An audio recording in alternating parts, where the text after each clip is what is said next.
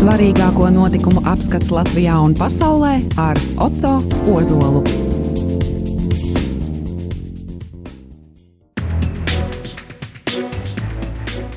Labdien, cienījamie radiokamā arī klausītāji! Ar kārtējo mēnešu svarīgāko notikumu apskatu studijā atkal es Otto Ozols. Atgādinu, ka esmu radiokamā arī Viļņos katru mēnešu pirmajā pirmdienā, pulkstens piecos pēcpusdienā. Nākošās nepilnas stundas laikā centīšos apskatīt daļu no mūsu prāta ievērības cienīgiem notikumiem aizvadītajā mēnesī, martā. Raidījuma pirmajā daļā par svarīgākajiem marta notikumiem Latvijā, bet otrajā daļā par notikumiem pasaulē. Daži no tematiem stāstīšu vairāk par jauno Rīgas arhidiecēzes palīgbīskapu, par skolotāju cīņu, par valdības godīgu un cieņpilnu attieksmi pret pedagogiem, kāpēc 31. martā netika, kā solīts atcelts bedīgi slavenais OIK. Stāstīšu arī par to, kāpēc par līdz šim nepublicētiem tā dēvēto čekas maizes ziņotājiem, kad un vai tiks publiskot arī viņu vārdi. Stāstīšu arī par Nila Ušakovu partijas saskaņas nedēļām un atgādināšu arī par to, kas notiek ar vienu no lielākajām Latvijas bankām - Svetbanka.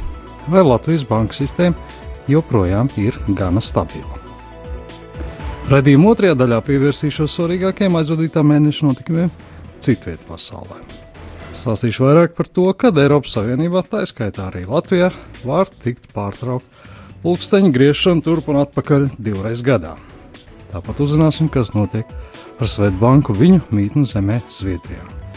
Runāsim arī par Brexit, jeb Lielbritānijas izstāšanās procesu no Eiropas Savienības un prezidenta vēlēšanu rezultātiem Ukrajinā. Par šiem un citiem svarīgākajiem marta mēneša notikumiem nākošo nepilno stundu rādījām arī ēterā es Auto Ozols.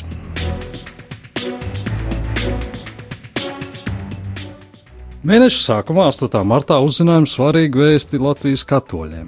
Par Rīgas arhidiecēzes palikbīskapu tika nominēts līdzšinējies Rīgas Svētās Marijas Magdalēnas prāvests un Rīgas arhidiecēzes ģenerālvikārs priesteris Andris Kravalis. Palikbīskapu parasti pēc diecēzes bīskapu lūgumu ieceļ pāvests ar mērķi palīdzēt pārvaldīt diecēzi.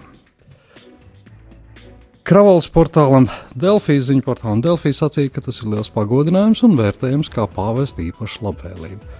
Par to, ka viņš izvēlēts biskupa kalpojumam, Kravals uzzinājis no apustuliskā nuncija Baltijas valstīs arhībīskapa Pedro Lopesa Quintanas, kurš 3. martā viņam par to paziņojis, dodot iespēju apdomāt šo priekšlikumu. Pēc tam, kad Kravals piekrits pāvesta izteiktajiem piedāvājumiem, par to oficiāli paziņojuši Vatikāna atbildīgās struktūras, un piekdien tās oficiāli paziņots arī Latvijā. Kravals akcentēja, ka viņš pēc konsekrācijas kalpos kā biskups, proti, viņš tiks iecelts biskupa kārtā, bet viņam nebūs savas teritorijas, kā tas ir piemēram Liepājas vai Jālgavas diecēs biskupiem. Viņa pienākumos ietilps palīdzēt Rīgas arhībiskupam Zbigņevam Stankievičam viņa kalpojumā. Kravals sacīja, ka viņa ordinācijas ceremonija plānota 4. maijā Latvijas neatkarības svētkos ap 11. Iecerēts, ka tas norisināsies Svētā Jēkabā katedrālē Rīgā.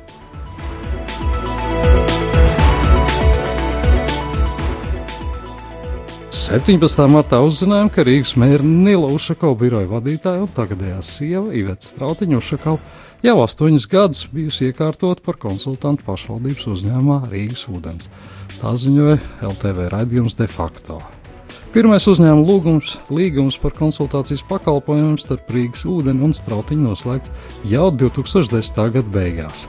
Tajā laikā Strautiņa bija mēra padomniece juridiskajos jautājumos. Pēdējā līguma termiņš beidzās 2018. gada nogalē, un jauns līgums nesot noslēgts. Rīgas ūdens valdes priekšsēdētāja Dagnija Kalniņa intervijā raidījumam skaidro, ka kaut gan uzņēmumā ir juridiskais departaments, tieši strautiņai ir nepieciešamās zināšanas publisko tiesību jomā. Tieši Kalniņš pirms astoņiem gadiem esot uzrunājis strautiņu šim darbam.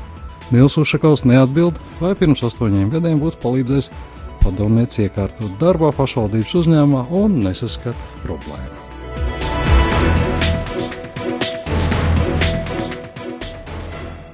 20. martā pie saimnes piketē aptuveni 2000 pedagoģi, pieprasot iepriekš apstiprināt darba samaksas pieauguma grafika izpildi.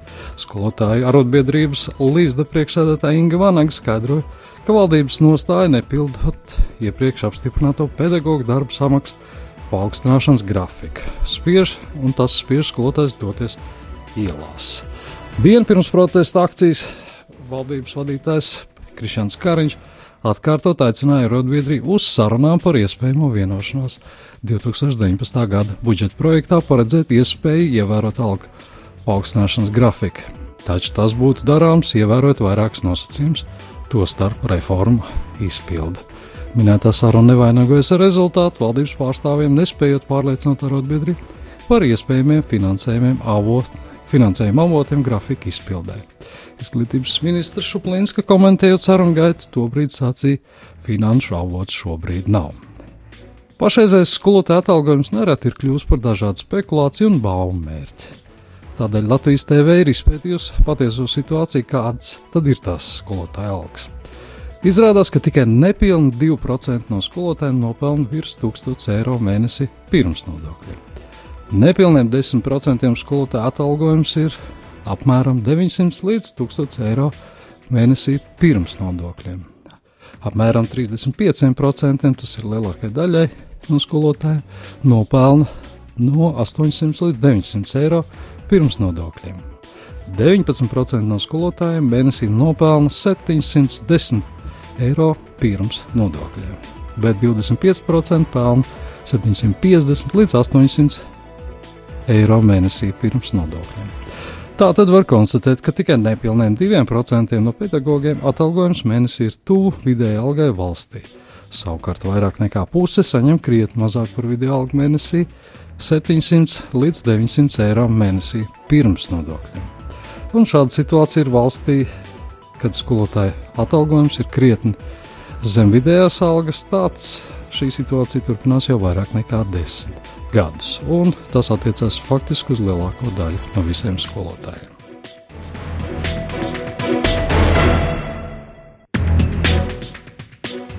Divdesmitā, 21. martā uzzinājām, ka partijas saskaņa valdes loceklis un viens no lielākajiem ziedotājiem Aivars Bergers saņēmis liels pārskaitījums no naudas atmazgāšanā izmantotām ārzonu firmām. Tā vēsta pētnieciskais žurnālistikas centrs Rebaltika. 270 tūkstoši eiro Bergers saņēmis no divām skandalozās naudas atmazgāšanās schēmās izmantotām ārzonu firmām. Liecina Zviedrijas Svetbanka lietā noplūdušie pārskaitījumi dati, kas nonākuši Rebaltika rīcībā. 2010. un 2011. gadā Bergers no Danske bankas uz savu kontu Svetbank saņēma pārskaitījumus no divām Lielbritānijā reģistrētām paskastīšu, tā dēvētām paskastīšu firmām. Pirmā izmantota tā dēvētā jurista Sergeja Magnitskā afērā, bet otra Azerbaidžānas laundromātība, naudas, netīrās naudas mazgāšanas jā, iestādē, caur kuru Azerbaidžāns elitīs pumpējas no valsts miljonus luksus priekšmetu un nekustamā īpašuma iegādē ārzemēs. Informācija par Bergeru veiktajiem pārskaitījumiem iegūta dēvētajā Svetbanka noplūdušo pārskaitījumu lietā. Pārskaitījuma laikā Viņš bija valdes loceklis pašvaldību uzņēmumā Rīgas pilsētpolnieks. Bergers ir arī viens no partijas saskaņa lielākajiem ziedotājiem. Kopš 2000. 2005. gada viņš tai ziedojis nedaudz vairāk kā 140 tūkstoši eiro, no tiem 19 tūkstoši eiro pirms pēdējām saimnes vēlēšanām. Viņš ziedojis arī partijas atbalstītajām biedrībām, piemēram, Jung.CLV un 9. mājas, Tieši tās rīkos svinības pie uzvaras pienekļa 9. maijā, turklāt slēpjoties aiz citas personas. Laikā no 2014. līdz 2016. gadam Bergers abām nevalstiskajām organizācijām ziedos 14,700 eiro savā vārdā, bet vēl 53,000 eiro iedevis partijas biedram Rīgas domniekam Maksimam Tolstājam, liekot noziedot savā vārdā.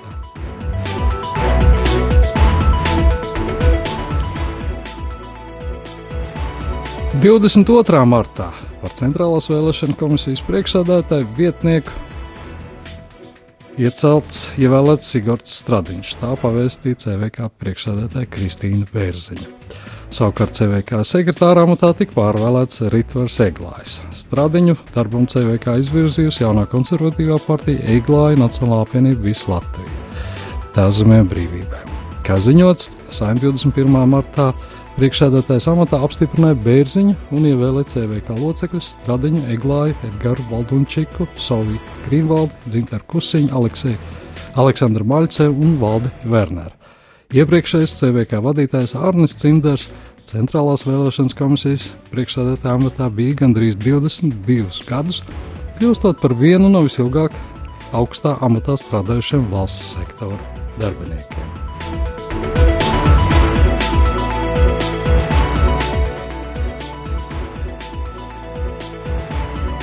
Jā, Latvija ir īpaša zeme, kurā par, par pavasara atnākšanu liecina arī kāda pēdīga tradīcija. 22. martā Kūlas ugunsgrēka kopējā degšanas platība Latvijā bija 32 hektāri. Tā informēja Valsts ugunsdzēsības un glābšanas dienests. Ugunsdzēsēji glābēji to dienu kopumā dzēsuši 24 kūlas ugunsgrēkus. Ugunsdzēsēji aicina iedzīvotājus būt atbildīgiem un ievērot piesardzību, lai jebkādas darbības, piemēram, apkopjot savu piemājas teritoriju, nebūtu par pamatu izcelšanās iemeslu kūlas ugunsgrēkam.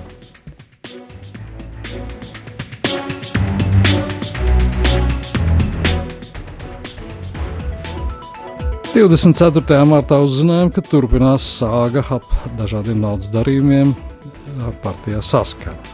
Izrādās, ka gandrīz visos septiņos uzņēmumos Rīgas nama pārvaldnieks iecirkņus, to iecirkņus vada partijas saskaņu biedrs. Tā vēstīja kanāls TV, kanāls TV3. Radījums atgādināja, ka Rīgas nama pārvaldnieks apsaimnieko Rīgas daudz dzīvokļu dzīvojamās mājas un uzņēmuma kapitāla daļu, daļu turētājs un tiešais pāraugs ir Rīgas mērs Nils Ošakovs. Nama pārvaldnieka struktūra sadalīta septiņos Rīgas iecirkņos, un raidījums pārliecinājās, ka gandrīz visus iecirkņus vada partijas saskaņa biedri.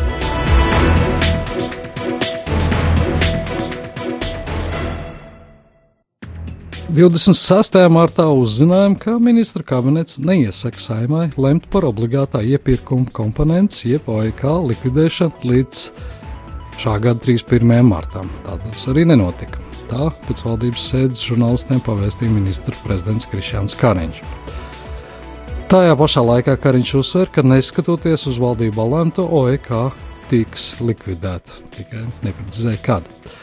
Viņš teica, ja mēs pieņemtu lēmumu par OIK atcelšanu no 31. marta, tad iestātos virkne negatīvu sektu, tostarp miljardu eiro tiesvedības, Elektrības cena augtu par 15%, bet siltumenerģijas cenas varētu augt par 20 līdz 40%.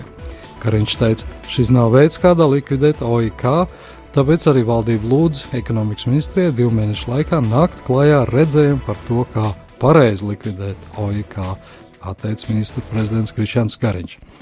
Viņš gan neprognozēja, kad OIK varētu tikt likvidēta, jo valdība uzdeva ekonomikas ministram Ralfam Namīro no partijas KPVLV divu mēnešu laikā sagatavot konkrēts priekšlikums OIK likvidēšanai. Saimī iepriekš uzdeva ekonomikas ministrijai izvērtēt iespēju atcelt OIK līdz šī gada 31. martam. Kā, kā jau minēja, tas nenotika. Kariņš pauda, ka valdība pamatoties uz potenciāliem siltuma un elektroenerģijas enerģijas tarifu pieauguma riskiem, iespējamām Eiropas Savienības pārkāpuma procedūrām, kas uzskaitīti ekonomikas ministrijas sagatavoties ziņojumā, saimē neiesaka lemt par OIK likvidēšanu līdz 31. martam. Gala lēmumu par OIK pieņēma saima, kas, ko mēs arī zinām, tika nolēmts vēl pagaidām nelikvidēt OIK.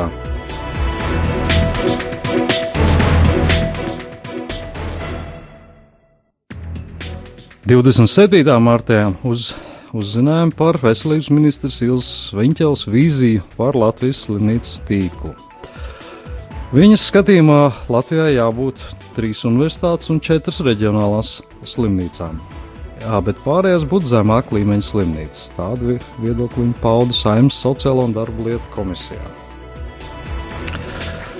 Tātad Viņķels vīzijā reģionālo slimnīcu skaits ir jau sarucis līdz četrām. Viņķels sacīja, ka no 1. aprīļa vajadzētu sākties veselības aprūpas pakalpojumu sniegšanai atbilstoši slimnīcas līmeņiem. Tomēr viņai ir bāžas, ka atsevišķas slimnīcas izvēlējušies pārāk augstu līmeni un nespēs nodrošināt apsolītos pakalpojumus. Pēc ministrs domām, gal galā Latvijas slimnīcas tīkls veidosies no trīs tā dēvētajiem ekscelences centriem, jeb universitātes slimnīcām un trijām vai četrām reģionālajām slimnīcām. Savukārt pārējās slimnīcas ieņems zemākas līmeņus. Esošā slimnīcas tīkla uzturēšana, ai, kā viņš jau teica, nepietiks visas pasaules naudas. Viņš jau atgādināja, ka Latvijā cilvēku no jebkuras valsts malas var atvest uz Rīgu, kur viņš var saņemt ļoti kvalitatīvu pakalpojumu. Tie ir viņas vārdi.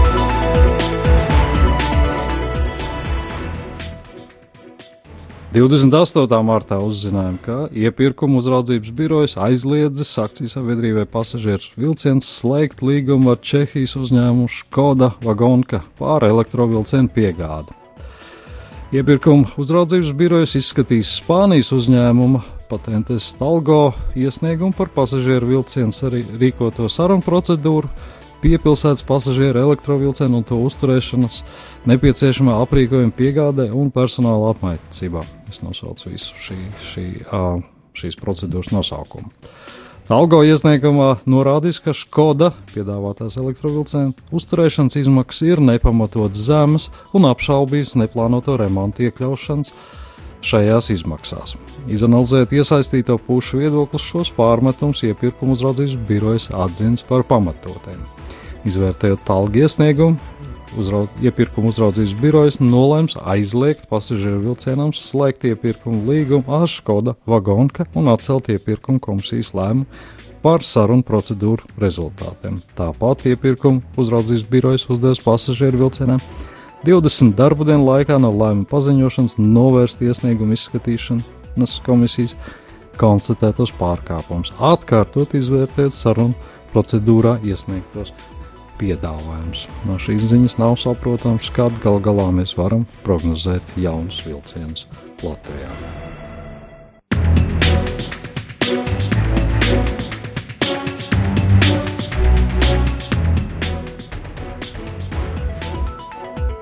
Pēcamā laikā dzirdēts daudz satraucošas ziņas par notikumiem ap vienu no lielākajām Latvijas Svetbānku. 29. martā uzzinājām, ka Svetbanka Latvija strādā ikdienas režīmā, un amatpersonu nomaiņa Mātes bankā Zviedrijā tās darbību neietekmē. Tā paziņoja ā, Finanšu un Kapitāla tirdzniecības komisijas komunikācijas daļas vadītāja Ieva Uplē. Viņi norādīja, ka Latvijas Svetbanka ir banka ar Latvijā izsniegtu licenci un darbojas atbilstoši Latvijas likumiem kredītiestāžu darbības jomā, kā arī Eirozonas banku kopīgajiem normatīvajiem ietvaram. Viņa teica, ka banka izpilda visas Latvijā noteiktās prasības individuālajiem darbības rādītājiem un normatīvus, kā arī nodrošina nepieciešamo informācijas apmaiņu gan ar Latvijas finanšu uzraugu, gan ar Eiropas centrālo banku, kuras tiešajā uzraudzībā tā atrodas kā Latvijas lielākā banka. Viņa teica, esam regulārā saziņā un tāpēc informēti, ka banka Latvijā strādā ikdienas režīmā un sniedz visus pakalpojumus saviem klientiem, teica Uplēja.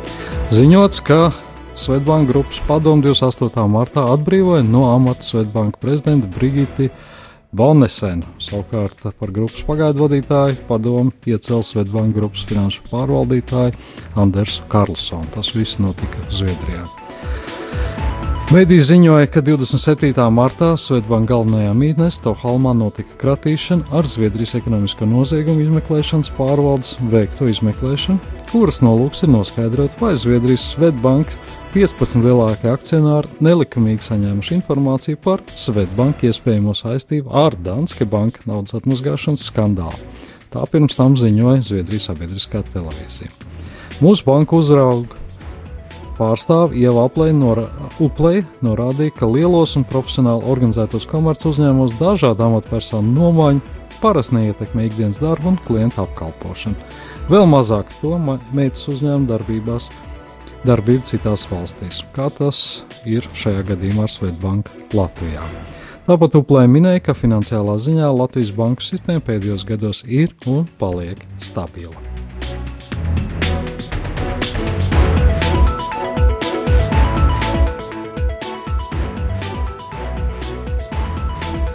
Marta beigās no jauna sākās diskusija par Latvijas sieviešu veselību. Par augstiem mātes un jaundzimušo mirstības rādītājiem Latvijā tiek runāts jau vairākus gadus. Arī dzēn ieviešot dažādas inovācijas gan likumdošanā, gan sabiedrības izglītošanā, ar cerību šo statistikas datus padarīt patīkamākus.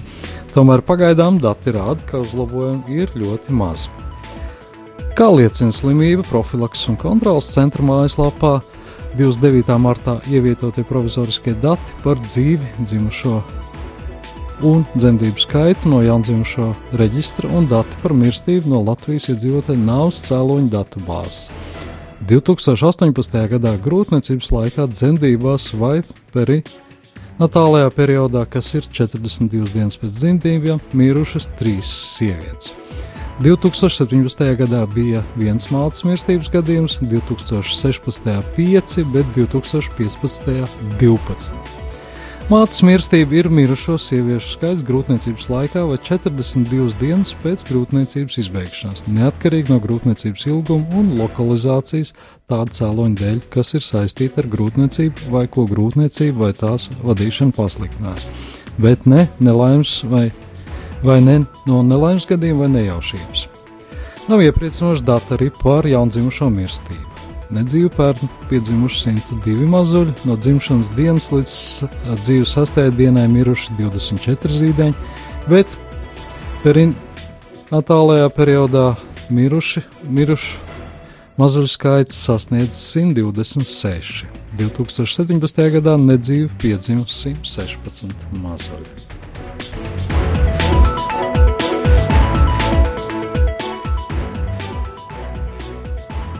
Pašās marta beigās, 31. martā, uzzinājām, ka pērn decembrī Latvijas Nacionālais arhīvs nav publicējis visas Latvijas PSR, VDK, jeb Čekas aģentūras kartotēkas, kas ir iestādes rīcībā aģentu karteņus. Tā ziņoja Latvijas rādio. Izrādās, ka gatavojot attiecīgo likumu, saimnes deputāti nav zinājuši par vēl dažām kartīšu grupām un nav tās iekļāvuši publicējumu dokumentu sarakstā. Kā noskaidrojas Latvijas Rādio, jau tuvākajā laimās, laikā saima varētu skatīt ierosinājumu par neatklāto kartīšu publiskošanu. Savukārt Latvijas Nacionālā arhīva direktora Māra Sprūģa uzskatā, deputātiem tomēr bija informācija par visiem LPSR, VDK, jeb čekas dokumentiem. Taču lielās steigas dēļ pietiekama uzmanība tam viņi nav veltījuši un likumā nav ietvēruši divas kartīšu grupu nosaukumus. Viena no tām ir papildu kartoteka ar to aģentu vārdiem, kas būtu izmantojami potenciālās krīzes, piemēram, kara gadījumā. Viņš teica, šī papildu kartoteka, kas ir bijusi veidota speciāli aģentiem krīzes situācijā un kura ir nedaudz atšķirīga no pārējām ar to, ka tajā ir norādīts, ka kā ar viņiem, tas ir aģentiem, sazināties brīdī, kad iestājās krīzes situācija. Un tās ir 447 kārtītas. Salīdzinot ar arhīvu rīcību esošajiem statisko un alfabētisko kartotēku, tie ir papildus 109 vārdi no 447. Pārējie jau šajās kartotēkās ir, tā norādījis Sprūčs. Otra kartīšu grupa ir iznīcināšanai paredzētās kartītes pār 1989. un 90. gada izslēgtiem VDK aģentiem. Saimnes deputāts no jaunās vienotības Andrēs Judins Latvijas radio apgalvos, ka deputāti vienkārši nezināja par šīm divām kartīšu grupām, un pētnieki varētu uz šo neizdarību norādīt deputātiem arī agrāk. Taču tagad galvenais ir nevis meklēt vainīgo, bet gan labot likumu. Grozījumu sagatavojuši pieci koalīcijas partiju pārstāvji un jau tuvākajā laikā saima tos varētu nodot parlamenta cilvēktiesību komisijai.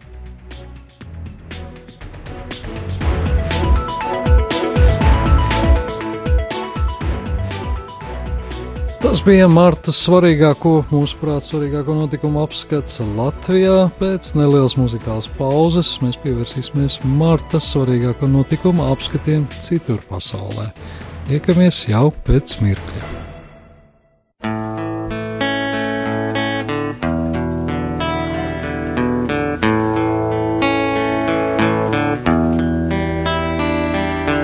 Turēties cieši! Tas, ko vēlas mana sirds, būt tavā tuvumā, piedzīvot mieru, ko vari dot tik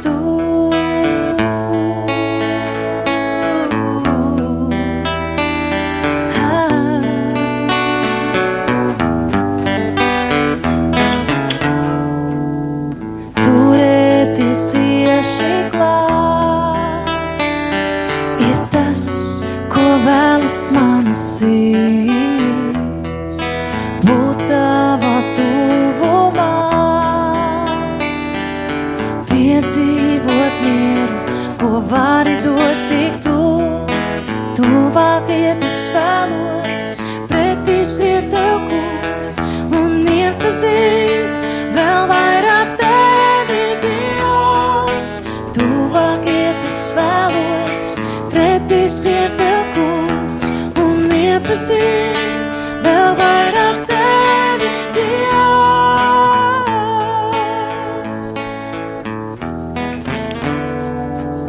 Zinu, ka visu pēc kā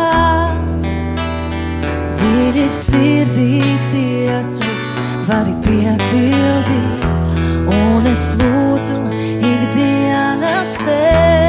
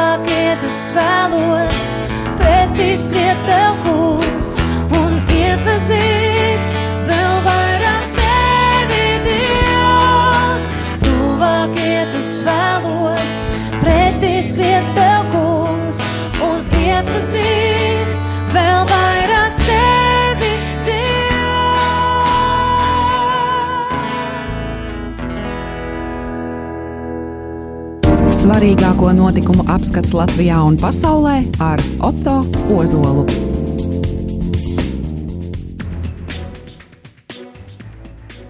Cienījamie radiokamā arī klausītāji, tiem, kas ieslēdz tikai tagad, šobrīd radio atgādina, ka studijās mēs auto uzols un šis ir raidījums mēneša svarīgākie notikumi pasaulē un Latvijā.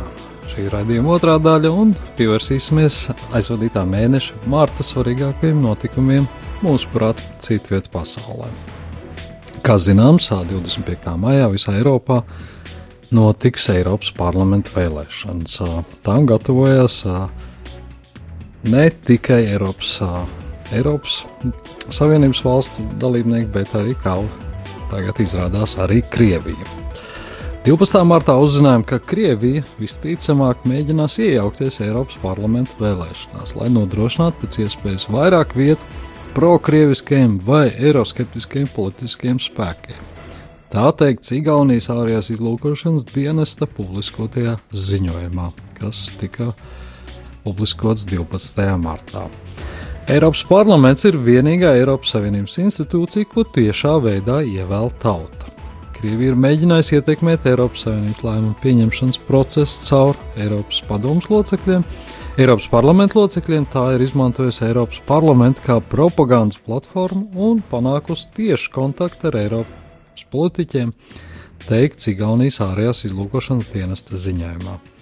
Krievijas mērķis esot turpināt graut Eiropas Savienības vienotību, vairojot neusticības starp dalību valstīm. Tā norādījis Igaunijas izlūkošanas dienests.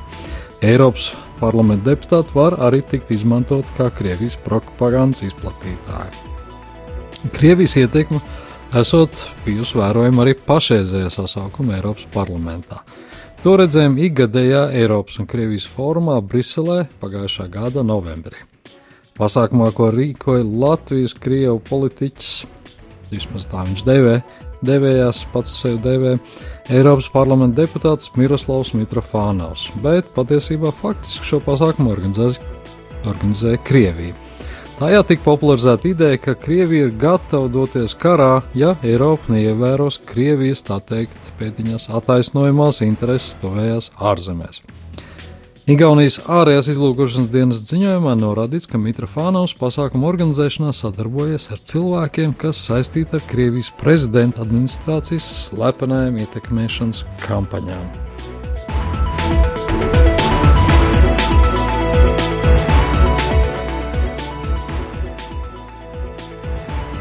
19. martā notika kāds vēsturisks notikums kādā citā Krievijas kaimiņu valstī.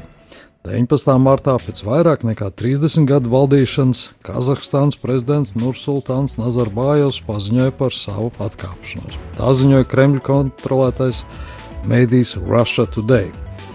Īpašā uzrunā tautai 78 gadus vecais Nazarbājovs paziņoja: Esmu pieņēmis lēmumu beigt savu prezidenta pilnvaru termiņu.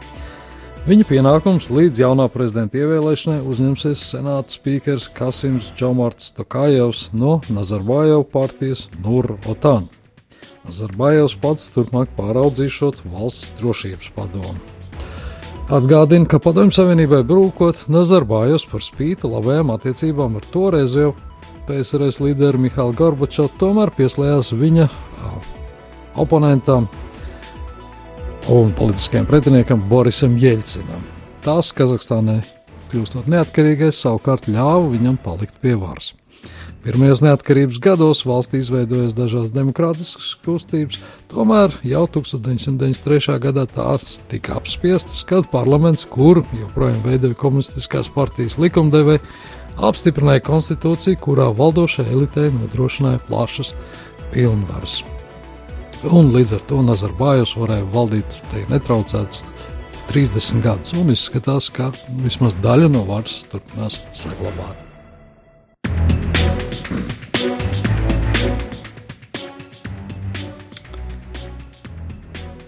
Divdesmit ceturtajā martā bija kāds svarīgs paziņojums Amerikas Savienotajās valstīs un atkal saistīts ar Krieviju. ASV īpašā prokurora Roberta Millera ziņojumā ir secināts, ka ASV prezidenta Donalda Trumpa kampaņas cilvēki, prezidenta eh, vēlēšana kampaņas cilvēki nav sadarbojušies ar Krieviju, lai ietekmētu prezidenta vēlēšanas 2016. gadā. Tā paziņoja ASV Tieslietu ministrijā. Ziņojums ir konfidenciāls, bet Tieslietu ministrs Bills Pārs, kuram tas tika iesniegts piekdien, izklāstīs ziņojumu kopsavilkumu vēstulē kongresā. Kopsavilkumā nav izdarīts secinājums, vai notikusi izmeklēšanas kavēšana. Viņš teica, lai gan šajā ziņojumā nav secināts, ka prezidents pastrādājis noziegumu, tas arī neattaisno viņu, tā teikts kopsavilkumā. Taču Bārs, ja Tieslietu ministrs ASV, norādīja, ka pierādījumi nav pietiekami, lai varētu secināt, ka prezidents ir pastrādājis noziegumu, proti, kavējis izmeklēšanu.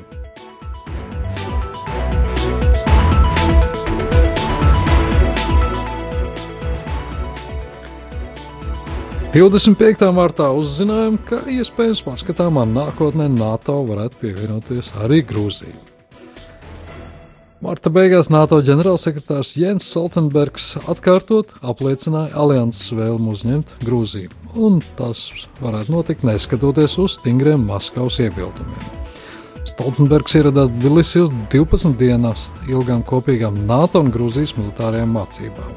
Viņš teica, ka 29 sabiedroti ir skaidri pateikuši, ka Grūzija būs NATO locekle. Tā preses konferencē visiem pavēstīs Stoltenbergs. Mēs turpināsim strādāt kopā, lai sagatavotos Grūzijas dalībai NATO. Atcaucoties uz Krieviju, viņš norādīja, ka nevienai valstī nav tiesības ietekmēt NATO atvērto durvju politiku. Mēs nepieņemam, ka Krievija vai kāda cita var, var izlemt, ko NATO locekļi drīkst darīt, paziņoja Stoltenbergs.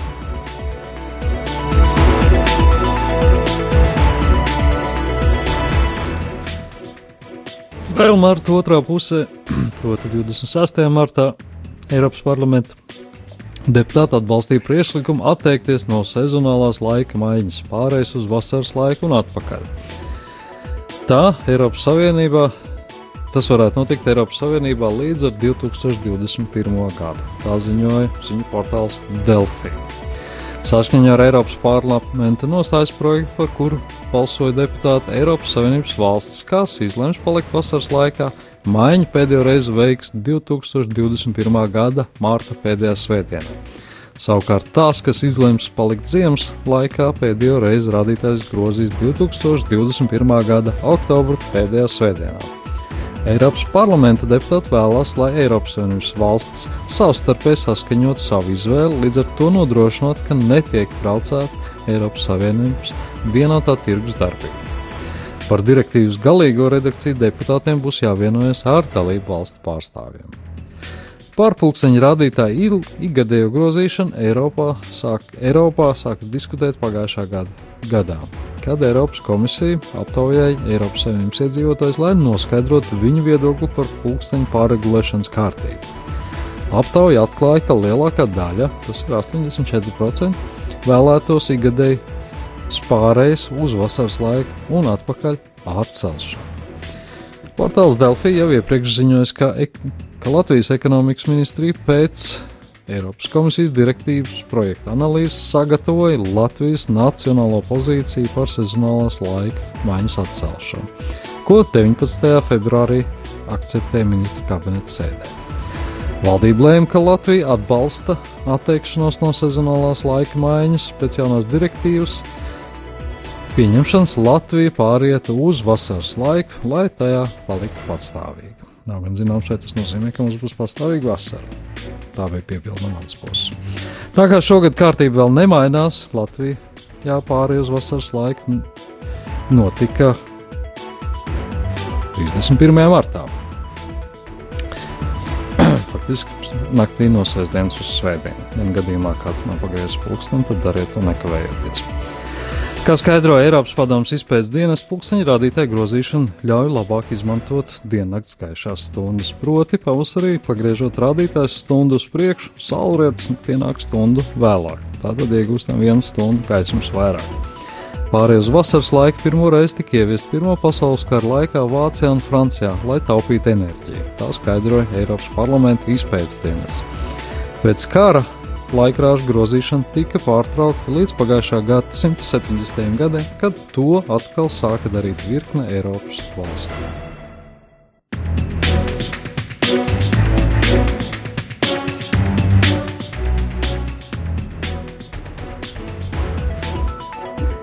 Divdesmit sestajā martā uzzinājām, ka Amerikas Savienotās valsts plāno darīt kaut ko tādu, ko viņi nav darījuši teju 50 gadus.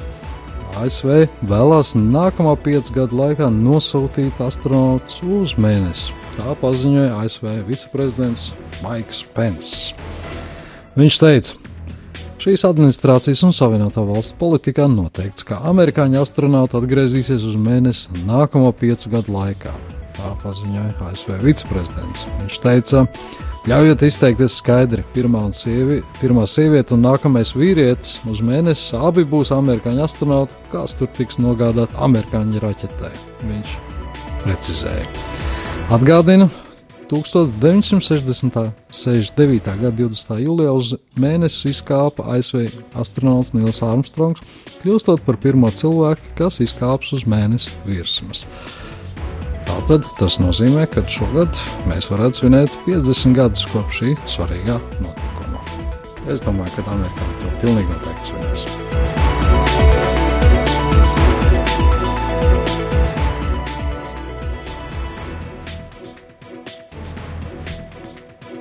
Marta beigās Lietuvas Viļņas apgabaltiesa 1991. gada 13. janvāra lietā atzina par vainīgiem kara noziegumos un noziegumos pret cilvēku 67 apsūdzētos, tostarp bijušo Padomju Savienības aizsardzības ministru Dmitriju Jazovu, bijušo Padomju armijas Viļņas garnizona komandieru Vladimiru Uzhopčiku un bijušo Padomju valsts drošības komitejas spēcvienības Alfa komandieru Mihailu Golovātovu. Un aizmuguriski piesprieda 94 gadus vecajam Jazovam 10 gadu Uz Hopčikam 14 gadu, bet Golovātovam 12 gadu ieslodzījumu. Atgādinu, ka mēģinot gāzt likumīgi ievēlēto Lietuvas varu, kas 1990. gada martā bija paziņojis par valstiskās neatkarības atjaunošanu, īpašās padomju karaspēku vienības 1991. gada 13. janvārī ar spēku ieņēma Viļņas televīzijas torni, preses namu, televīzijas un radiokomiteju un objektus citās Lietuvas pilsētās. No lodēm un zem tanku kāpurķēdēm pie televīzijas turņa gāja bojā 14 neapbruņoti cilvēki un tika nodarīts smags kaitējums 31 cilvēku veselībai un kopumā cieta vairāk nekā 1000 cilvēku. Pateicoties lietuviešu nevardarbīgai pretestībai, izdevās noturēt parlamentu ēku, ko sargāja desmitiem tūkstošu cilvēku, un tā tika saglabāts Lietuvas valstiskums.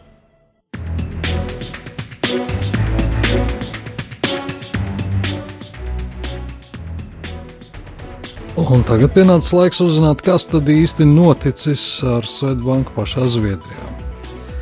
27. martā uzzinājām, ka saistībā ar izmeklēšanu par iespējamu nelikumīgu informācijas sniegšanu akcionāriem tika veikta kratīšana Svetbanka galvenajā mītnē Stokholmā. Tā paziņoja Zviedrijas ekonomiskā nozieguma izmeklēšanas pārvalde.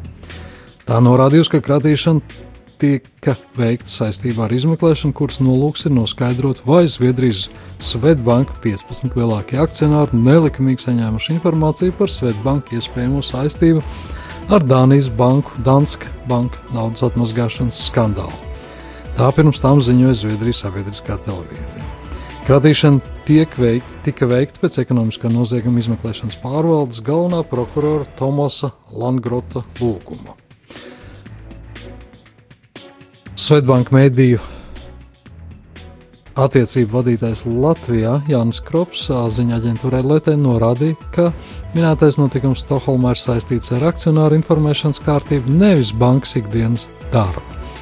Svetbanka pakalpojumu sniegšana klientiem šīs notikums neietekmēs. Viņš uzsver, kā jūs redzējāt, pirmajā daļā teica arī Latvijas finanšu uzraugu pārstāvis Uplēja norādīja, ka Latvijā situācija ar bankām ir ļoti stabila.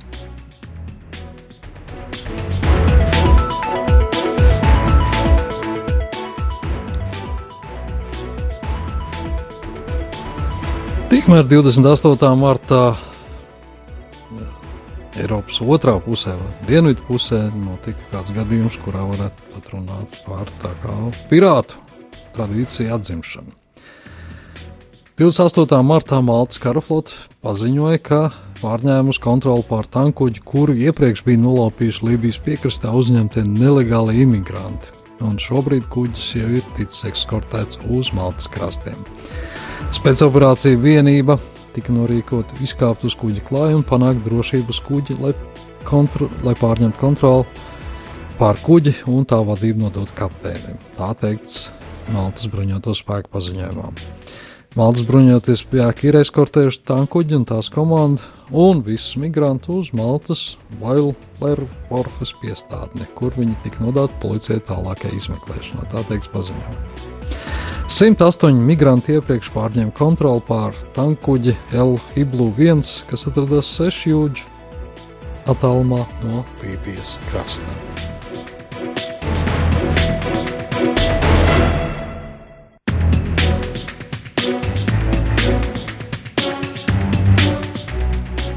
Un kas tad notiek ar tā dēvēto Brexit, jeb Lielbritānijas um, iespējamo izstāšanos no Eiropas Savienības? Marta beigās uzzinājām, ka reaģējot uz Lielbritānijas premjerministrs Terēzes Meijas panāktās Brexit vienošanās, kārtīgo noraidīšanu, Eiropas komisija paziņoja, ka tagad bez vienošanās Brexit ir kļuvis, kā viņi saka, par ticamu scenāriju.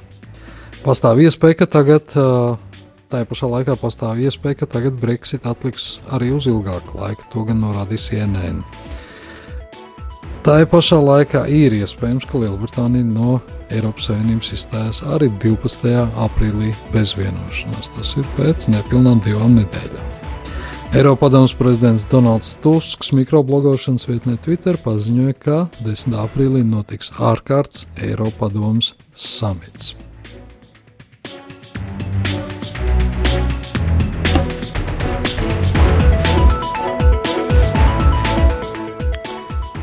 Nākošā ir ziņa, varētu teikt, pat pilnīgi svaiga ziņa no Ukrainas. Un, uh, neskatoties to, ka pirm, šodien ir 1. aprīlis, šī pavisam nav joku ziņa. Tas ir nopietns fakts. Uzzinājām, ka vakardien Ukraiņas prezidenta vēlēšana otrajā kārtā iekļuvuši komiķis Volodimirs Zelenskis un pašreizējais valsts galva Petro Porošenko. Tā liecina svētdien notikušās vēlēšanas pirmās kārtas laikā veikto vēlētāju aptaujas rezultāti. Tas nozīmē, ka uz otro kārtu dosies tikai divi kandidāti, kad arī izšķirsies, kurš būs nākamais Ukraiņas prezidents. Vai komiķis Valdemirs Zelenskis vai pašreizējais prezidents Petro Porošenko. Aptaujas rezultāti liecina, ka šobrīd situācija ir krietni par labu Vladimiram Zelenskim, kurš ir komiķis. Atgādinu, ka šī ir nopietna ziņa, nevis 1. aprīļa ziņa. Vēlēšana otrā kārta notiks 21. aprīlī. Balstības Ukrainā ir 34 miljoniem ukraiņu pilsoņu, un prezidenta amata termiņš ir 5 gadi. Nopietni 5 gadi.